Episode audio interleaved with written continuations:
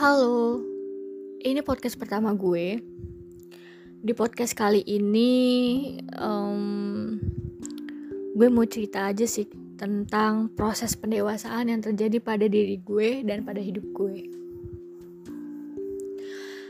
Wah, ternyata proses pendewasaan sangat luar biasa.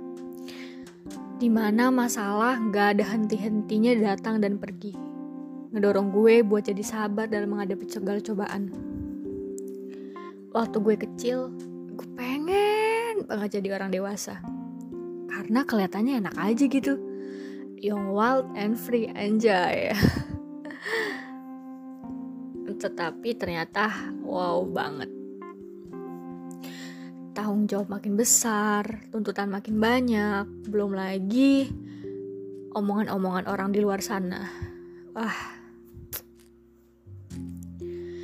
semenjak umur gue nginjek 20 tahun, banyak banget masalah atau hal-hal yang gak terduga. Gak terkontrol, bahkan gak terpikir gue bakal ngalamin. Gue selalu berdoa pada Tuhan. Tuhan, tolong lapangkan hatiku jika takdirku tidak sesuai dengan apa yang aku inginkan. Yap, ternyata takdir gue tidak sesuai dengan apa yang gue inginkan. Wah, sulit banget nerima takdir apa yang gak sesuai dengan yang kita semoga akan di dalam doa kita. Gue gak nyalain siapa-siapa. Gue cuma bertanya-tanya pada diri gue.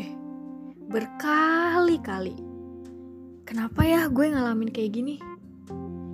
Kenapa ya? Ataukah sholat gue belum sempurna? Ataukah gue punya salah? Atau apa? Berkali-kali gue nyerah, berkali-kali gue memohon di setiap malam gue berdoa dan menangis. Dan gue tetap gak menemukan jawabannya. Harapan, rencana, mimpi, dan semua yang udah gue planning dari awal hilang dan lenyap begitu aja.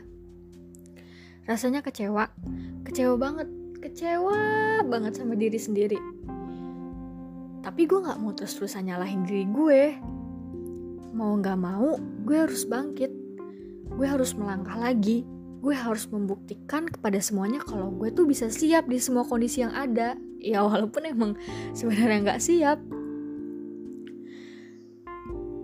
Ya karena itu adalah satu-satunya pilihan terbaik. Ya walaupun belum tahu arahnya ke mana dan meski akan selalu melihat ke belakang. Uh, ya mm, mungkin itu uh, sepenggal kata-kata yang mewakili isi pikiran gue.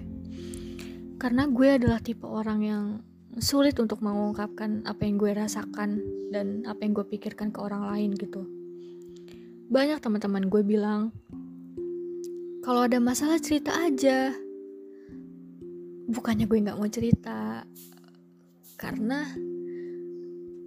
gue nggak ada kepikiran buat cerita gitu. Ngerti gak sih? Kayak gue nggak bisa cerita. Kayak orang-orang cerita ke temennya gue nggak bisa mengungkapkan itu semua gitu loh. Jadi mau nggak mau ya gue uh, pendem sendiri ya gue selesain sendiri gitu.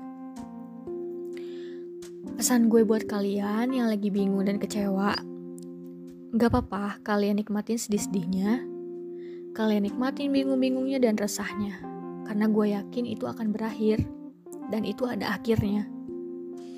Dan tanpa kalian sadari, ternyata kalian tuh kuat loh. Walaupun kalian hampir menyerah. Dan pada akhirnya, kalian bisa melaluinya dengan sangat sempurna. Yuk, kita isi lembaran-lembaran baru yang masih kosong. Kita melangkah lagi, kita senang lagi, kita bahagia lagi. Sekarang istirahat. Insya Allah besok kalian akan menerima kabar baik tentang sesuatu yang telah kalian tunggu dengan sabar. Selamat beristirahat ya. Goodbye.